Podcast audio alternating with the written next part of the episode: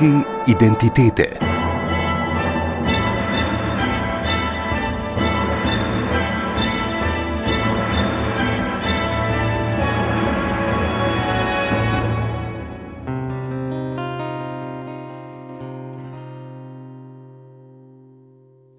Čudom se reki, plava zeleni kot najdla je ta, saj je moč. Hara razklala je na poti saji, an mir nad tekla teh suč. O mitih in legendah na Tolminskem bomo govorili v širšem pomenu besede Tolminsko in nikakor ne v luči sedanjih občinskih ureditev zato bomo pri tem zajemali zgodbe vsega zgornjega posočja. Sem uvrščamo poleg Tolmina in okolice še Baško grapo, spodnji del Idrijske doline, Kobariško ravnico, na zahodu vse do Benečije, na severu do Bovškega konca in seveda gore in uspetine, ki to območje obdajajo od Bogatina do Matajurja in Kolovrata na jugozahodu. Za to območje so značilne doline ob rekah, slikovite soteske s hudourniki, ki se zlivajo v Sočo, ter s precej strmimi bregovi, ki segajo v Sredogorje in še čez v alpski svet Krnskega pogorja in Julijskih Alp.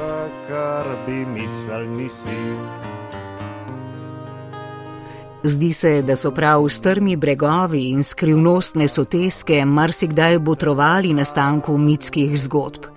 Vsakdo, ki je kdajkoli okusil napore ob kmetijskih opravilih na strmih nivah ali pa se uspenjal in se stopal in spet silil na vzgor po bregu, razume, kako hitro se lahko v glavah porodijo štorije o tem in onem.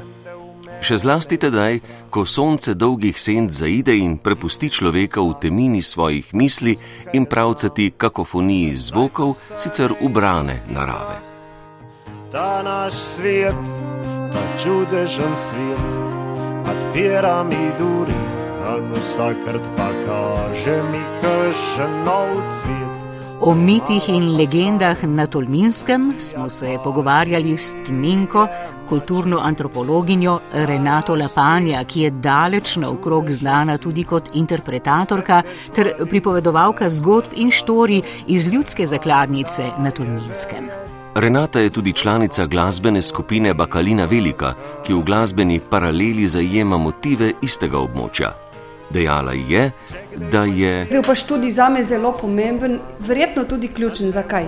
Zato, ker sem se lih tekom študija prvič v bistvu tako srečala s pravljicami, kot mm, vsebina, s katero lahko jaz nekaj več naredim, ne pa samo jih berem. Študirala sem v Kopru, po sili razmer sem se po, po dosti letih nazaj gor na Tolminsko preselila, malo delala po projektih in na koncu sem rekla, ne morem več iz meseca v mesec in sem odprla SP. Zdaj pa moja mama je računovodja. Od nje sem se ogromno naučila. Hkrati je bil pa SP bistven zato, da sva lahko z mojim glasbenim kameradom Janjem Kutinom špilala okrog, ker takrat bilo je bila potrebna neka forma, da smo lahko izdali račune in tako. In smo ogromno, ogromno preigrali, no, v desetih letih prečesali za Slovenijo. Ves čas sta pri tej glasbeni, bomo rekel, veji črpala dejansko iz ljudstva. Ne? Zdaj povedati moram, da besedila vsa piše Jani. On piše iz sebe. Glede na to, kako je on gor rasel v tistem čadrgu, ki je precej odročna vas, tudi če je blizu Tolmina ker tam se cesta konča. Doma imajo kmetijo in imel je polno bratov, in oni so bili non-stop po grmih. Tako da v bistvu je rasel prav z naravo, v naravi. In že ko so prvič naredili prvo muziko, ki so delali ne, za The Strudels Band, so pisali o živalih, so pisali o tem, kar se v gozdu dogaja, kar se pač dogaja na kmetiji in tako se je potem to tudi nadaljevalo.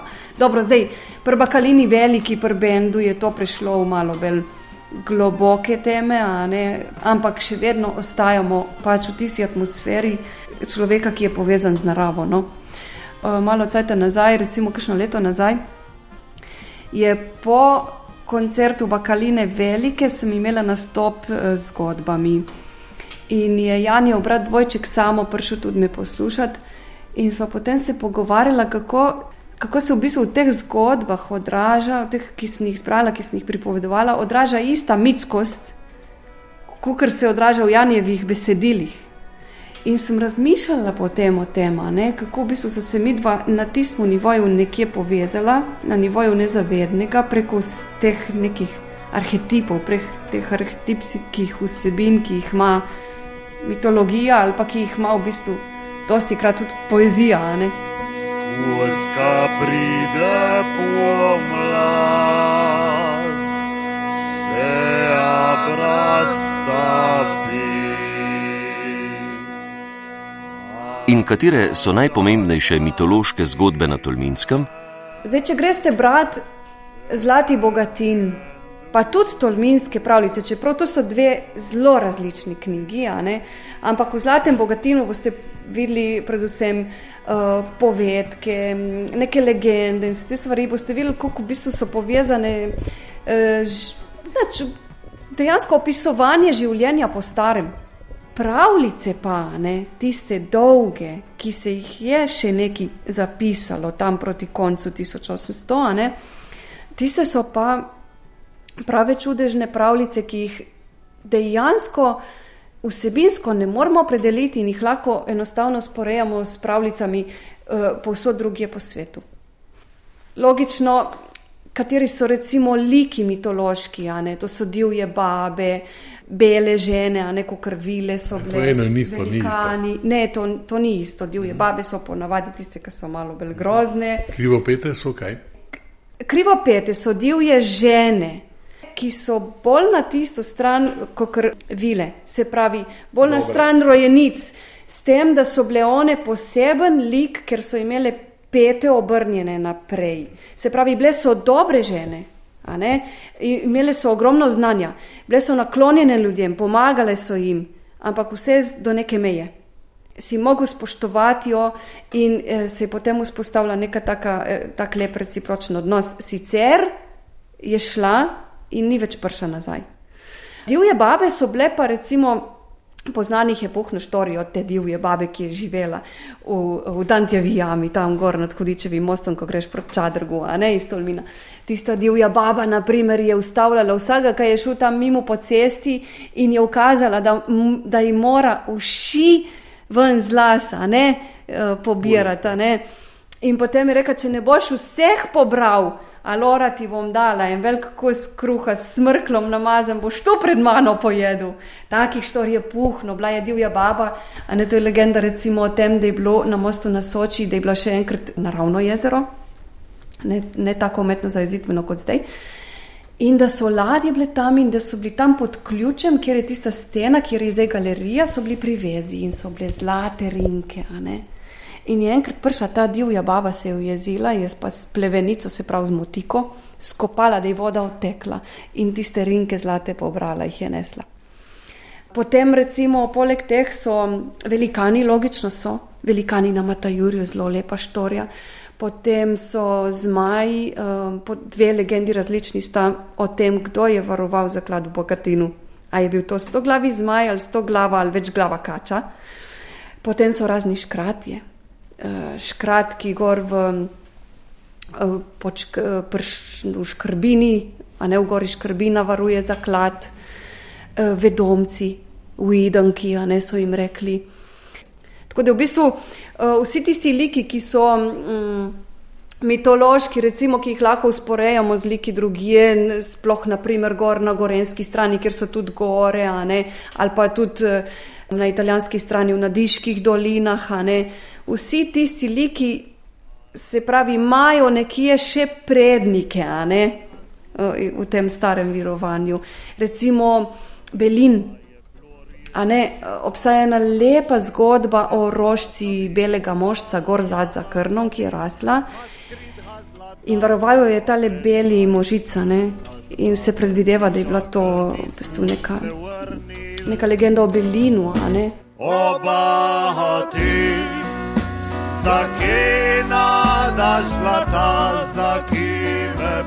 Gora Bogatin že s svojim imenom nakazuje, da je v njej nekaj moralo biti.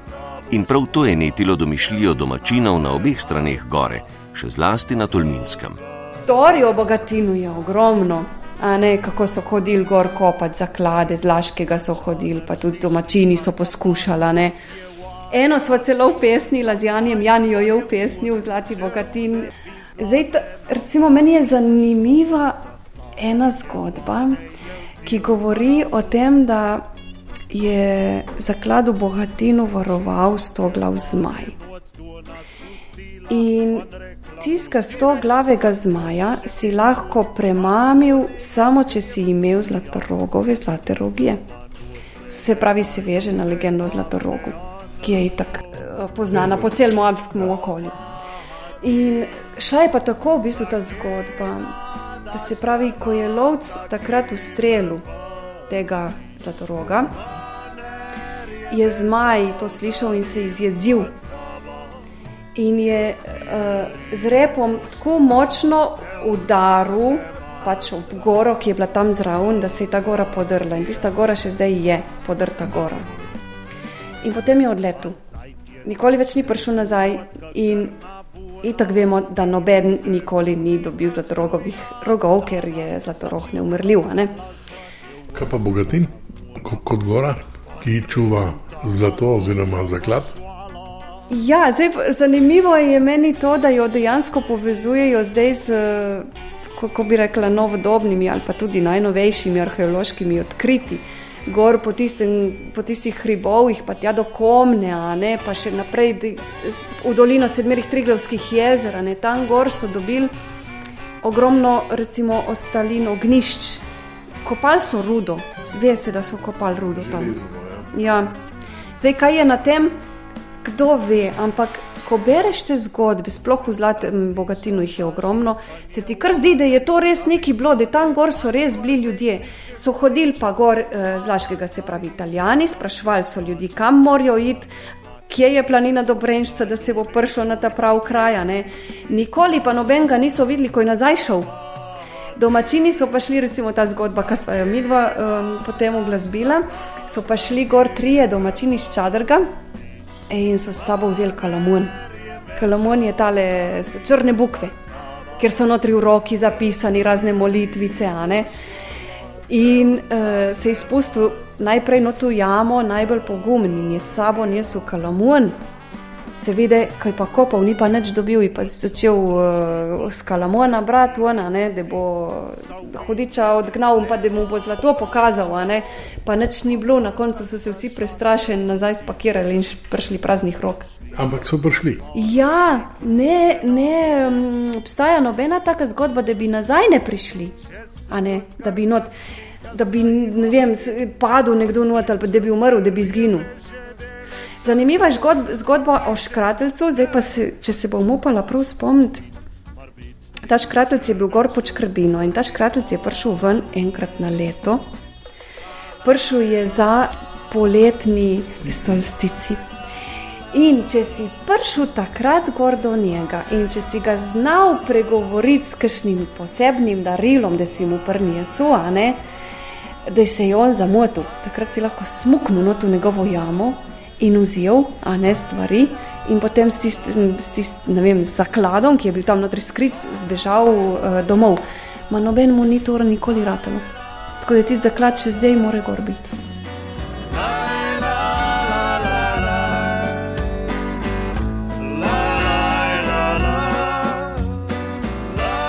Oh, zelo lepa je ena pravljica ki je bila zapisana na temlinah, to je v Baški grabi. Jožef Kenda je bil temlinski, eh, pač tam se, se je na temlinah rodil in je potem par teh pravljic zapisal. Andrej Gabršek iz Kobarida jih je zbral ogromno tudi z kobariškega konca, hkrati je po svoje knjige, ki jih je izdal, vključil tudi od tega Jožefa Kenda, ki jih je pa bolj na temu koncu uh, Baška gra, pa še Dviška planota zapisovala. Ne? In ti si zvešiči so bili izdani 1883, tam nekje narodne pravljice iz soških planin. In tam notri je zapisana ena zelo lepa pravljica, čudežno drevo. in so povsem po bogatstvu, po vsebini se lahko usporejajo z najlepšimi pravljicami, ki jih lahko beremo z drugih koncev sveta, recimo ruske pravljice so zelo podobne. No, v glavnem, to čudežno drevo se je raslo v enem kraljestvu in je bilo tako visoko, da mu kralj ni videl vrha. In ta kralj je bil pa strašno radoveden in je hotel pogruntati, koliko je visoko in kakšne sadeže ima tam gor. Seveda so prihajali mladeniči iz vse posod in so lezli tam gor, ogromno jih je pomrlo, ker so popadali nazaj. Se je pa najdel enkrat en gospod iz daljnih krajev doma in ko je hodil proti to deželo, proti to kraljestvo, kjer je raslo to čudežno drevo, je srečal enega pastirja. Zdaj bom pa bolj po domače povedal. In je videl tega pastirja, rekel: Zakaj imaš ti železne krmple na nogah? Ja, rekel pastir, tu jem pa zato, da pred volkom pa medvedem zbežim, kadar pride ta har na drevo splizama. Oj, rekel pa ti tu za mejnu, le jaz ti dam maje bogata oblika, ti pa mene tele krmple in sta zamejnila. Seveda, ta mladeniči polešel v mesta, pa je lepo tam nova oblika kupil in pa je šel krajlu s tistimi železnimi krmpli, rekel, jaz bi pa tudi šel probat gor na drevo pa gledati, ki za vraga tam gor rase. Ja, prav mu je rekel, no, vzame tam mladeničniki za ist in začne plezati, vsi so gledali, kako dobro je lezel gor po drevesu, po deblu, kaj bi suho deblo, pač nič ni bilo, ne bo ne vejen krt, niti, niti hruče, niti štrcla, nič ni gledalo ven. In je plezal sedem dni in sedem noči in še nič ni videl. In je šel še naprej in je plezal 14 dni. Šele ko je prišel tako visoko, da je, bil, da je plezal recimo že 20 dni, je zagledal, da se tam har neki svetli. Ta 21 dan je prišel in je videl srebrn grad. In je pa trkal in mu je odprla ena zelo lepa punca. In mu je razkazala cel grad, je cel srebrn, pa tri lepe punce so živele not. Pa so ga pogostile, samo dale večerje, pa spal je tam. Zjutraj mu je pa rekla, tista, ki mu je odprla, rekla, le, ti dam ta kruh, tako skruha in zdaj. Samo če ga boš polizal, že ne boš več čutil ne lakote, ne žeje. Moraš pa vedeti, da boš plezal zdaj še tretjine, da boš prišel do ta trojega gradu. Ti bo še lepši kot ta. Pa je šel in je plezal tretjine. In zagledal ta druga hrča, har se je svetilo še veliko, kar pa ta pravmo gradu, kaj je bil zlat. In notre so živele tudi lepe, še bolj lepe deklice, ki v ta pravmu šestih je bilo. In so ga lehtko pogostile, lehtko samo daleko iz kruha in zjutraj so mu rekli, lej, da boš prišel do tretjega gradu, boš plezal še dodatnih treh tednov, samo jemaš zdaj kos kruha, a bližka pa ne boš čutil ne več ne lakate, ne žeje. In šel je plezal naprej, res prišel do gradu iz samih dragih kamnov, iz draguljev, svetil se je bleščalo, da je kumi gledal. A v njej odprla ena deklica, ki je imela zlate lasje. Tam notrej živelo devet, čeč devet punc in so ga lahko pogostile, lahko so mu dale kos kruha. Zjutraj mu je pa ta le s zlatimi lasmi rekla: Na vrh boš plezal, še dvakrat pa tri tedne. Ko boš prišel, har boš videl. Na desni strani so trije sadeži, na levi dva. Težkar je ti dam, a driž tiste tri, ki so na desni. Buhvarde, a drižeš tistega dva na levi. Zato, ker se bo cela drevo z nami in pa z gradovi urjet v trenutku pa greznila. In pa je rekla, ne s tiste tri sadeže nazaj dal, pa na benmu jih napakaš, pa na benmu napavek izvidu. Jutra pa ti smo, ko boš dal pršu, ab svitu, se pa stav pa te na cesta, ta glavna, ki gre mimo gradu, in boš videl zdaljave, kako proti tebi šviga ena svetleča se kočija. Če se boš uspel dotakniti tiste kočije, samo malčka s prstom, alora bomo rešene če ne nas bo vrah pejlu v ta grad, ki nima ne okn, ne urad.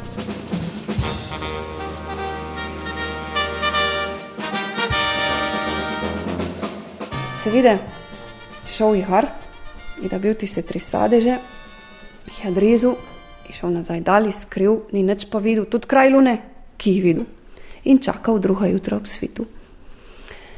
Zdaj pa ti stosa, ti stosi bil tako, in tako švignu, kot ring, kot strela. Vazuhaj sem hudič, pa tri zlate kaj ne jemo, priježenem pa zlata kočija. Noč so bile pa vseh teh 12 deklic. Ne, 12, koliko jih je bilo? 9, 12, 18. In ni, ni se mogel dotakniti, ni mu ratala. Alora so bile deklice zapeljane v ta grad, ki njemu ne vakn, ne urad. Šuh krajlu, mu je dal tri sadeže, mu je povedal, ki se je zgodila in rekel: Jaz grem jaz kot ta grad. In je šel na pot. In je blodu cel mesec skozi gosti hadu, preko je na jaz zagledal en dan, stara, na pol padrta koča. Pa trka tam not, mu odpre sončeva mama. Pa mu pravi, viš, boš da greš to ki prije sonce nazaj, da malo lete bo žgala, da ne bo ostalo nič več od tebe. Je pa lepo govoril in povedal, jaz sem ta grad brez vakn in brez urad. Ja, rekla, viš, jaz pa res ne vem, že duha cajta nisem sjala te pa svetu, a ne. Lej, to te pa skrijem pod stopnice in ko bo prišel sin, da mo ga bom probala pregovoriti. Prije sin, da mu sonce se razjezi, voham človeški duh, ki je zdaj tu, kdo je to, koga skrivaš. Ga je pa mama uspela pomiriti in je rekel sonce, ja, lej, jaz ne pa sejem na vsak kotičk tega sveta, biti bo pa luna videla. Alora je druga jutra šel mladenič naprej in jih hadu duha cajta spet jeskal, jeskal, jeskal in je prišel na zadnje, da ne pa dobne stare koče, samo še mabel pa drte. Pa trka je bilo notre lunina mama. Jo je rekla, boš da greš to, bo hvarče te za voha, lejka, ka bo samo kanc stava, bo pa tebe. Pa je spet pripričal. Pa prije luna, pa vpraša lune in reka, lej, tudi jaz na pa sejem vsak kotičk tega sveta, bo pa aden sigurno videl. Bejš po glavarju vetrov, pa ne ga praši. In druga jutra gre naprej in je še duha cajta hado in res pršu, da ne koče, kot reživu po glavar vetrov. Higar je rekel, Zdaj ni pa nobenega vitra, da ima, kako ne jih jaz sprašujem. Jaz, jaz, jaz ne grem kamor več, jaz sem to doma, ne kontroliram. Ne? Pa, pa čaka za žvižga, na, na, na posebno piščal in prpihajo vsi vetrovi z vseh smeri. Le adni manjkov. Čez ne tri ure je prekrijal so, čatnal se je bil neč udaru in na njih bil tisti, kaj videl, kot je grad brez okn in brez vrat in pa naredil poglavar vetrov na skrinja, izpravo not tega mladeniča in je tega tega gradu. Zdaj sta pa kul vratu letila, pa jaskala kot se dalo not pritane. Je bila pa na vrh strihe, na mičke, na mičke, na luknjica. Zdaj mladenič v ne pa čakal, veter je pa nočil, je pa notre zagledal vse te deklice, vse zakljete, vse mrtve, razen tiste z zlatimi lasmi. In hudiča in hudičeva mama. In je ta prvi zgrabil hudiča. In je rekel, pa vej mi, kod imaš tista tekočina, skira až vim te deklice. Jo rekel, jaz, jaz nisem nič kriv, jaz nič navim. Alora ga je zgrabil in ga je trišču, har v strop, da se je kodrila tista luknjica prej naredila cela jama izgrabil še mame od hudiča, rekel: Tako bom naredil stava, kakor sem z Nemčem napaviš. Rekla: Veš, ki te umarajna, veš pa gledata, ne? tam boš videl. In na posebna tekočina vzem vsak, vsaki punci pale na kapljica na tačno to usta. No, pa je pa tiste kapljice dal vsaki deklici in sažvile, in je na vas vse v kup skrinja mladeniča in te čeče in pejlu teh krajlu. Zdaj pa lepa ni bilo tako, ne, da bi se mladenič a ženu s kraljeva hči, kakor je bilo obljubljena. In pa rajš čisto zlatimi lasmi vzel.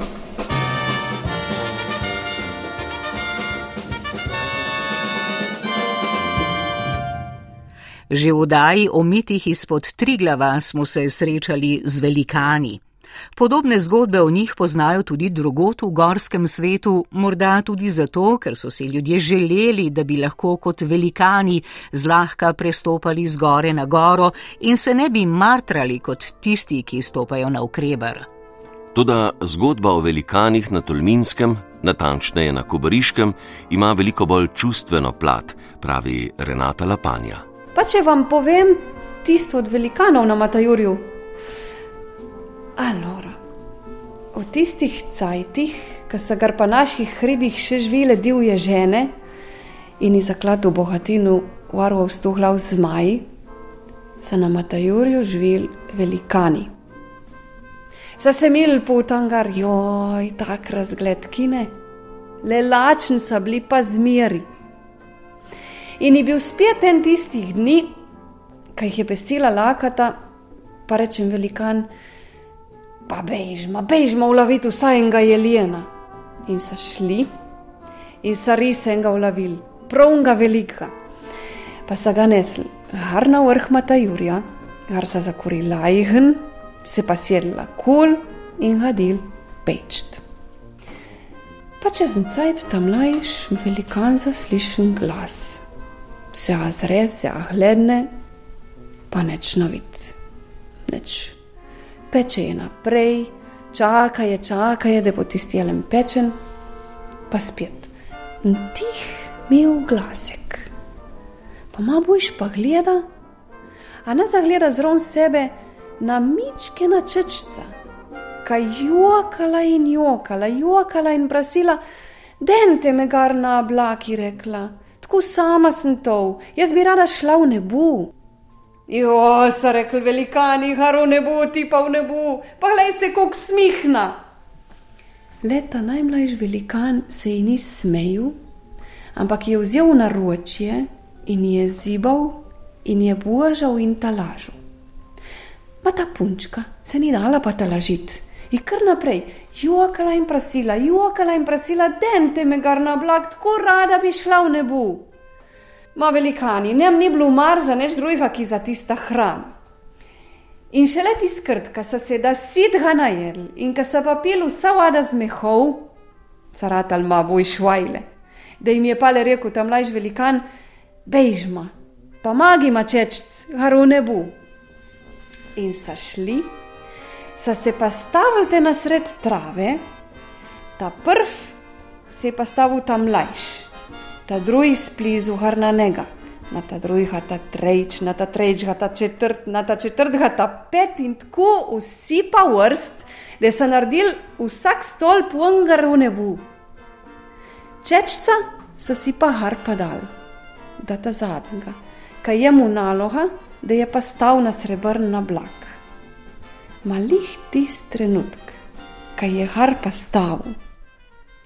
In pa zapihal tak močan veter, da je zamajal stolp velikanov in so pa padali vsak na saje stran.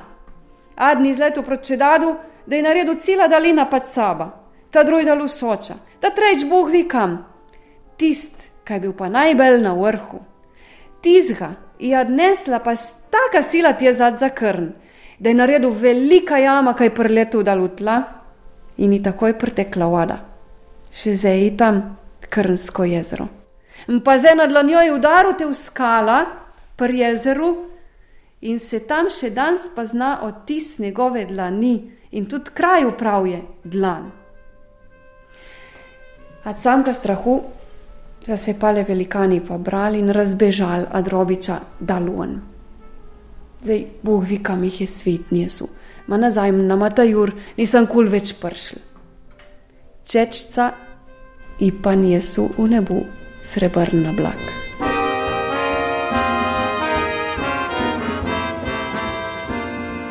Da je Tolminsko zelo širok prostor in sega v več dolin, od Soške, Idrijske, Baške do Nadiške doline in povezuje ljudi in njihovo kulturno izročilo, potrjuje tudi zgodba o očetu, zapisana v Benečiji.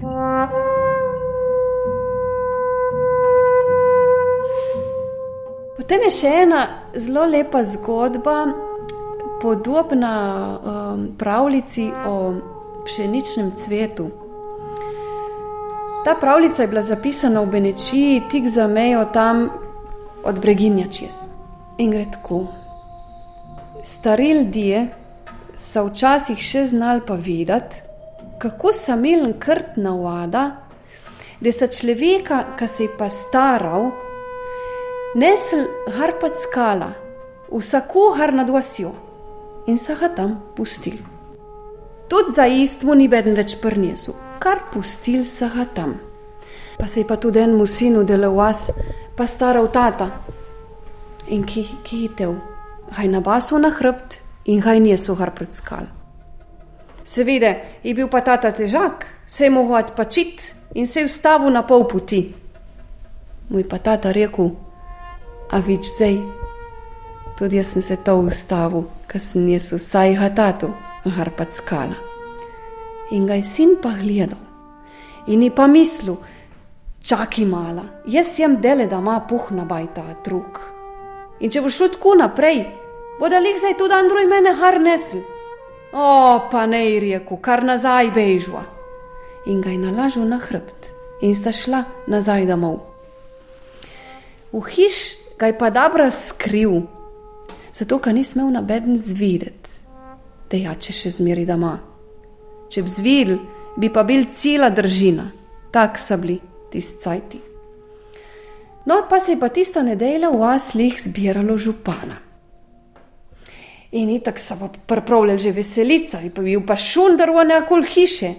Tata pa doma, pa pa sluša, pa vpraša sina, rekel, ma, ki se daje v tak direndaj v nekol, ki delajo, ki pripravljajo. Ja, rekel sin, župana bodo zbirali. Aj, rekel tata, pa kako ga bodo odbrali? Ja, tist bo župan je rekel, ka bo ta prv zagledal sonce zjutraj pa sjat. Ho, prav tata, to je pa res neki najlažjega. Kako prav sin? Se jaz pa res ne vem, kam mohu pa gledati, da bi ta prv videl sonce zjutraj pa sjat. No, je rekel tata, če češ biti župan, pa tako nared, bejšel po zjutraj, pa se pa stav tako, da ne boš gledal na tista stran, kot da sonce har ustaje. A kol se obrn, pa ta druga pa gled je, kamor svit. In res gre sin druga jutra, vid, vsi so se pot, kot da so gledali tje, kamor sonce har ustaje. An se je pa kol obrn. In res, za svet sonce in pa svet v vrhove hribov, da so zažarili ki v zlatu. Joj, reku, lejte, lejte, že vidim, že se je, pa glejte. So se pa vsi akula brnil in savil tiste vrhove žariti v zlatu. O, so rekli, dobra, dobra, boš pa ti župan. Samo so rekli, tu nam pa lepo vej, kdo ti je tako pametna svetoval, kam pa glej. Pa se je pa branu ni te upa videti ma se ga kaj pritisnil, da ni mogel drugače. Ja, rekel, tata mi je pa videl. O, so rekli, tata, kako tata, ga nisem jaz uharpat skala. Ne je rekel, kar v hiška skrivam. No, so rekli, a zvidu zdaj, kako ti je prišel prav. Pa bi morbit mogli mi naše stare, le da ima pri sebi mit. In so se odločili in na tiskrt naprej nisa benga starega več harpat skala nesl. Za jih mil krdama, pal pusa za ne skrbi, pal pu bi blu, če bi tudi med drugim naprej tako znal.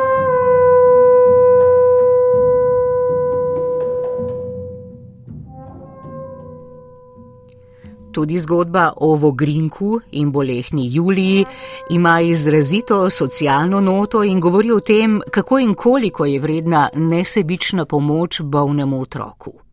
Tudi za ceno samožrtvovanja, pravi Renata Lapanja. Gar za krnam, gar na špičast skal, rase ad pamti veka, rožca bijuga mošca. Za cude le vsakih sedem let, v sedmem mesecu ta sedem ga nije. In kap cude, le ena drobna sime naredi.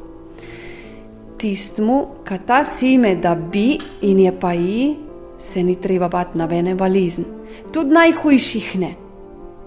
Če pa že jema kišna, bo pa takrat, ko bo sime pa jedu, takoj a zdravil. Samo, kako zdaj prid da tiste rožce, da tizga semena, če pa vi za nule star vogrink, kazna naga že v hrabu staji. In kar je še hujš, leta in leta čaka na tale sime, že ogromno ljudi. Ma kdo zvi za ki, se je vogrink tista leta odlačil, da bo rožca pa jeskal in sime mali Juliji prnesu. Mala Julija je imela na taka balezen, da je ležala doma vsak dan bolj drobna in vsak dan bolj blida. Pa noben zdravnik ni znal pomagati, noben in ni znal niti pa videti, ki ji fali. No, kaj pršil ta sedem mesec in se je bližal ta sedem dan, Ivo Gring pripravil vse, kar je nucu za pot, za haru skale, haru krn. Še prej, ki je sonce vstala, je šel na pot. Ma da kar je šla taluen in pa padalin, mu je šlo dobro. Ka se je pa začela uspejnet in pa vrž, vrž vidu, da mu prmanjkuje mači. Jo je rekel, star sem, ne vem, če ne pr star za ta kapot. Pa je dal vse od sebe in je res priplizal, har na vrh krna, har in pa obmahal. Ko se je druga jutra zbudil, je videl zrom sebe stati pilga mošca.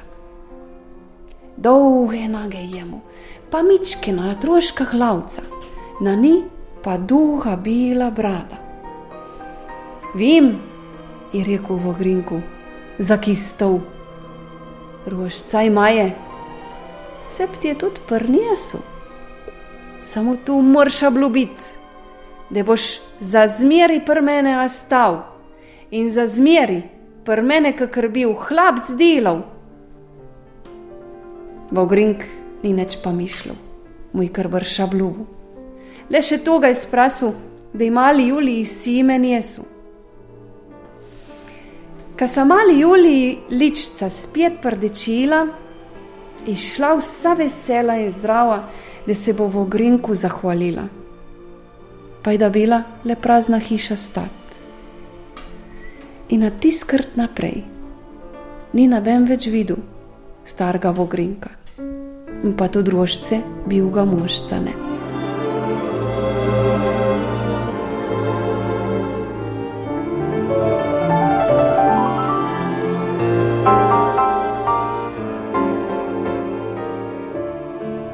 Na širšem Tolminskem, od Bovškega do Benečije, Idrijskega in Baške grape, so razmeroma že zgodaj, sredi 19. stoletja, začeli popisovati mitske pripovedke in pravljice, ki so šle prej iz roda v rod prek ustne pripovedi.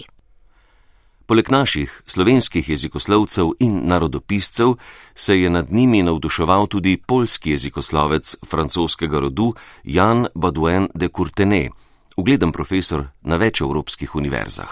In on je v bistvu dialekte popisoval, ampak seveda ne je popisoval zgodbe, ki so mu jih ljudje v dialektu pripovedovali. In ko recimo beremo o tem, kaj je našel na Tolminskem, on pravi, da je bila tam največja zakladnica.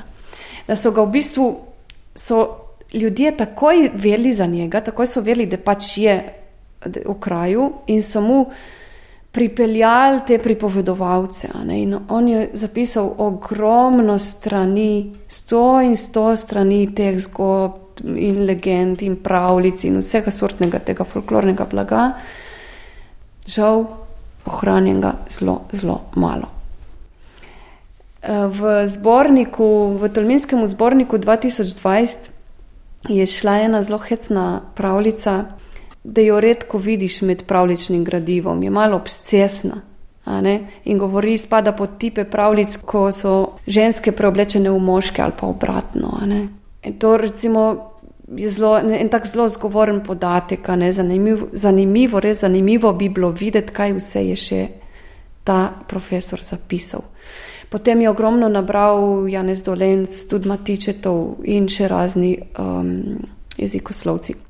Ena izmed zgodb, ki jih je zapisal Jan Baudouin de Courtenay, je tudi štorija o treh za možitev godnih sestrah in hudiču.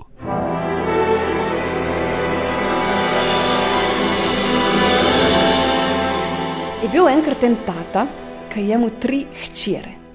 Lih prav pridne, pa lih prav lepe, a lora lih prav hadne za ženit. In tata se je tega veselil, teče če pa neč. Imenila na leta se ni več skadilo. Imenila ta druga, na ben snupc ni pršel. Imenila še adna, se je pa tata ujezil in pa rekel: Hudič, ne vas nese vse v kup. Hudič pa deleč sliš. Oho, je rekel, dobro, dobro, bom šel pa brž padna. In se je uštimal. Ide v lep guant, pa fin klabuk, na večji vleja bo, abu in ni šel. Pride, pa trka na vrata, tata odpreven, dober dan, prav hudič. Sem slišal, da imate tri hčere hadne za ženit, jaz pa jih žena ješčem, ab mi da vadna. Pa prav tata, ja, seveda, prav rad, prav rad, zdaj kjera pa bi. Oh, je rekel, tu pa ne vem, pa kar vi zberte. Ja, ben dobro je rekel tata, pa ne gre pa ta starejša prva od hiše, tista ne gre ta prva.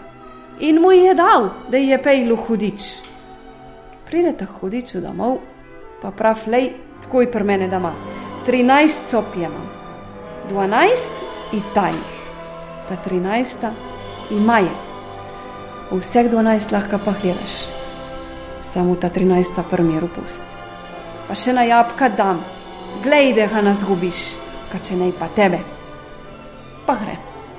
Zdaj ta čeča pa sama hadila tam pa bajt, sobe v soba, gledala ena je bila lepški, ta druga, v en se je vel posvetila, ki v ta drugi, ni da ni blu. Verižico, hanov, lepih oblik, joj, rekla, kako je lepo. In še sama ni videla, kdaj se je znašla pri ta zadnjih uratih. Je pa rada vidna sprmahala. Je pa prav malač, krklna. A ni butnu, ajhnu, anunu, da je odskačila, jabka je po tistem trenutku dal padla in je brez njega ostala. Pride zvečer hudič domov in kako je bilo, a se odprla, pa ni nič odgovorila, se je bala čija imaš jabka. In ni imela več ki skrivati. Je zgrabil, je zvlekel čez cela hiša in je vrhu na tu ajhen. No, je rekel, zdaj grem pa pa ta druga. Pa se je spet uštimu, zdaj še lepški prej in je šel. Pride pa trka, tata preven, hodič prav dober dan. Sem slišal, da imate dveh čir hadn za ženit. Kaj jaz pa jih ne veste, jaz če zdaj bi dal adna. In mu je dal ta druga, da je pejlu hodič za sabo. Prijeta hodič domov, pa te lahko lepa vi, rekel, 13 so pijem, 12 ta jih, ta 13 ima je. Vse lahko pa gledaš samo v ta zadnane, pa še na jabka tam. Le varvo je hadeha nas gubiš. Pa gre. Zdaj ta lečeča gre, gleda z kamre v kamera, ena lepški, ta druga pride ta zadnjih urat, jo je rekla, pa se ni možno, da je bilo to vnotre, že se mora biti še, še lepš, kot vseh ta prejšnjih. Pa preurata, pa butne ajhnuen, a nas gubi jabka, na, pa je bila brez njega. Večer pride hudič, kako je, kod je imaš jabka? Joj, sem kuhala, viš, pa mi je pa noto šparget padla, mi je noč zgarila. Hej, rekel hudič, ti bom dal je šparget, boš videla zdaj. In je zgrabu, in je vrhu, tudi nuano tu ajhn.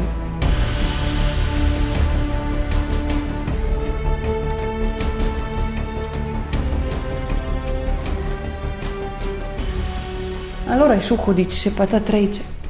Sem slišal, da imate na lepa hčer, zdaj me ne bi kaj prav pršla, ne veste, jaz če imam je date. O, rekel tata, sami gospodje, kar krpelte je, krpelte. Pa je pejlu še ta trejče hudič. in ni lahko lepa videl. 13 sopjem, v 12 lahko pa gledaš, ta 13 in kar nahlej, pa ta jabka dam. Le glej, da ga ne zgubiš.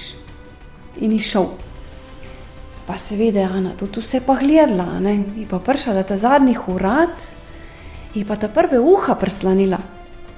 In je slišala, da je not neki crči, neki poka, reka, to je čudno, to je kot da bi garilo.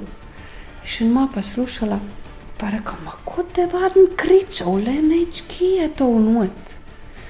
Pa da je na jabka te na stran, nadpre vrata, joj, prav krščen duš, kot smo končale, tisto niso bili trije gospodje, tisto je bil un sam hudičen, to je pa peku pa hitra pa vliče v anta starejša sestra in je skrije in grete v kuhne in tuhta in natuhta. In je začela pečt. In je pekla, da je spekla puhna piškotov, pa hbance, pa kolačev, pa še kruh, vsega, da je bilo vsega puhna zvečer, kaj prišel hodič domov. Pa prav pa tisto gleda, Ana pa reče, ja, veste ki, zdaj Kole sem mislila, ne, to jemo ome dva, kaj za ist, tata pa neč tam da ima za pa zob. Če mu lahko vi nijesu, kaš vam bom pripravila zjutraj. Pa priprav zjutraj, pa dene sestra notre, na vrh pa piškote nasuje. Reče hudič, a viš, pa neč nahlej notre. Zato, ker jaz sem za tebe daj spekla, da boš jemu prej in pale to vdoma, lej sem naštimala tam na mis. Prav reče hudič, pa grem je ne tiskaš na rame in gre. Hodnica je rečema, kaj še piš koti, tu je neki drugi, a to vnot moram pa gledati. Sestra vnotre v kašu pa, te že vidim, te že vidim. Ej, šreko, kam je zdaj šla ta baba, da me vidi ven sem. In ni hadu naprej. Pa lihen ma se je te ustavt, je bil rad lačen, pa je že upila sestra, te že vidim, te že vidim. Pa je mogo jeti naprej kaj cajta, da je prišel te domov, te da hiše. Odlažil kaš in šel nazaj. Tata pride gledati ven, pa vidi, saj je ta starejši hčer prav, odkot se pa ti vzela, a se ni zblaženila. Hej, rekla, kab vi videl, komu, komu ste me dal, pr sammu hudiču smo končali, vse tri. Pr hudiču. In pa ta mlajša sestra, pekla, pekla, da si bil hudič, že kar nam ma redil, zdaj pa prišel in šel teden mimo, pa prav, a viš, ki le, sigurno je tata že vse pa jedel, pa ka bo nijesu tišen kaš. In res hodič rekel, dobro, vem, pa bom pa nijesu. Pa viš, jaz te bom doma gledala, neč na jej, kar sem not nalažila. In in lažu kaš in šel. Ja, rekel, kakšen kruh to vnotre more biti, sami kamni. Se že če ustaviti. Že vidim, če že vidim, in kole naprej, da je prinesel še ta druga domov. Zdaj je pa sama stala. Reka je, kako naj se rešim. Je bilo najtežje, pa nahruntala. Je šel teden mimo, in druga napekla, in druga prosila hudiča, če bi nesu. In je naštimala kaš, in pa lutka še razrov naredila, tako velika, kakor je bila Ana. In je vsa je cujna oblikla, pa teh peč pa stavila se je pa v kaš zbasala, na sebe s piškotem, pa kruh, pa kalače nasula, zjutraj hodič vstal, in kaš zgrabo in jesu, in prnesu vnte domov, pride nazaj, prav žen tam prepeč, z njesu, pa ni bilo nobenega glasu nje. Prav sem, sem lačen, nobene ni dala od sebe, pa hrete hni je pa zgrab, je strese, pa vidi, da je pa tleh padla. Ej, šikljiv, da se je krkadila, in šel pa gledati v peku, pa vedno več ni videl, in lofu nazaj teh tatu domov. Ma, tam so bile pa vrata, pa vakna fajn zaprte, pa sta žihna na vada je bila hiša pa škrapljena, kul na kul, da hodič ni mogel blizu. Aj, se je pa ujezil, in pa v kanton cebnu, da je pol kantona odkrušil in pa šel. A ti skrt naprej, samil prhiš mir pred hodičem. Mahčere samile mir tudi pred sajim tatam. In se je zgodila tako, da se sajtam, da bile vsaka ta sajga maža. Tu se pa naša pravca konča.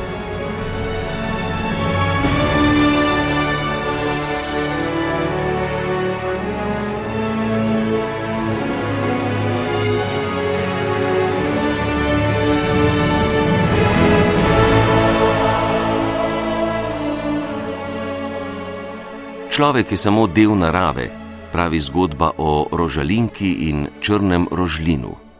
Rožlini so bili včasih zelo iskana roža, sploh pa črni rožlini.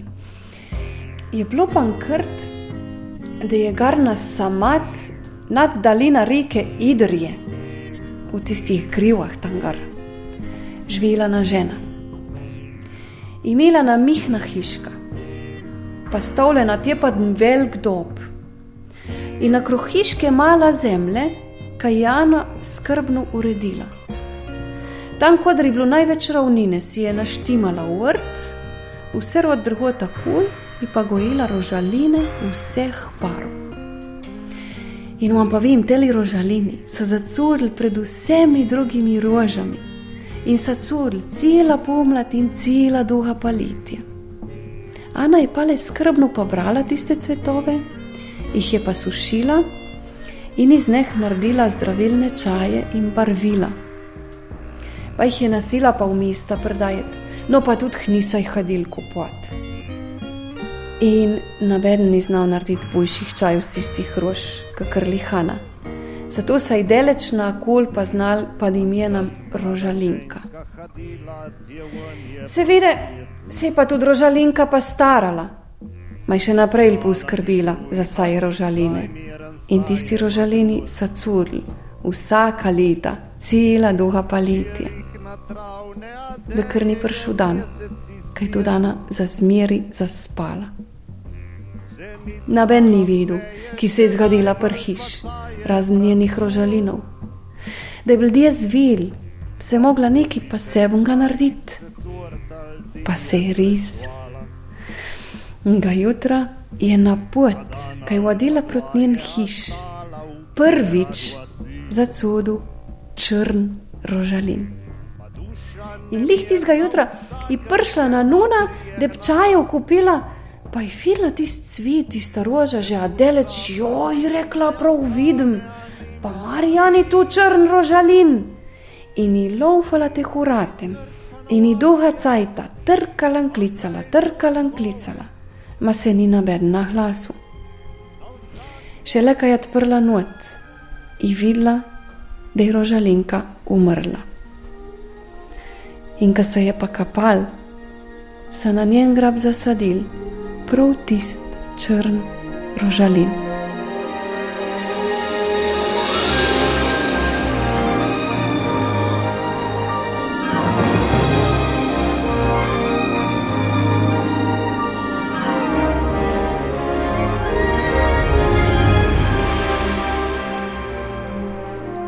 Oddaja Mejniki identitete o mitih in legendah na Tolminskem. O njih je pripovedovala kulturna antropologinja Renata Lapanja, zbiralka folkloristike v zgornjem posočju in članica skupine Bakalina Velika, ki se svojo glasbeno motiviko dotika narave in življenja v njej na Tolminskem. Zato smo glasbo za oddajo črpali tudi iz njihovega repertoarja. Oddajo sva povezovala Lidija Hartmann in Matjaš Romih, tonski mojster je bil Miha Klemenčič, avtor oddaje je Ivan Merljak. Lahko jih spet prisluhnete prek spletnih strani radio televizije.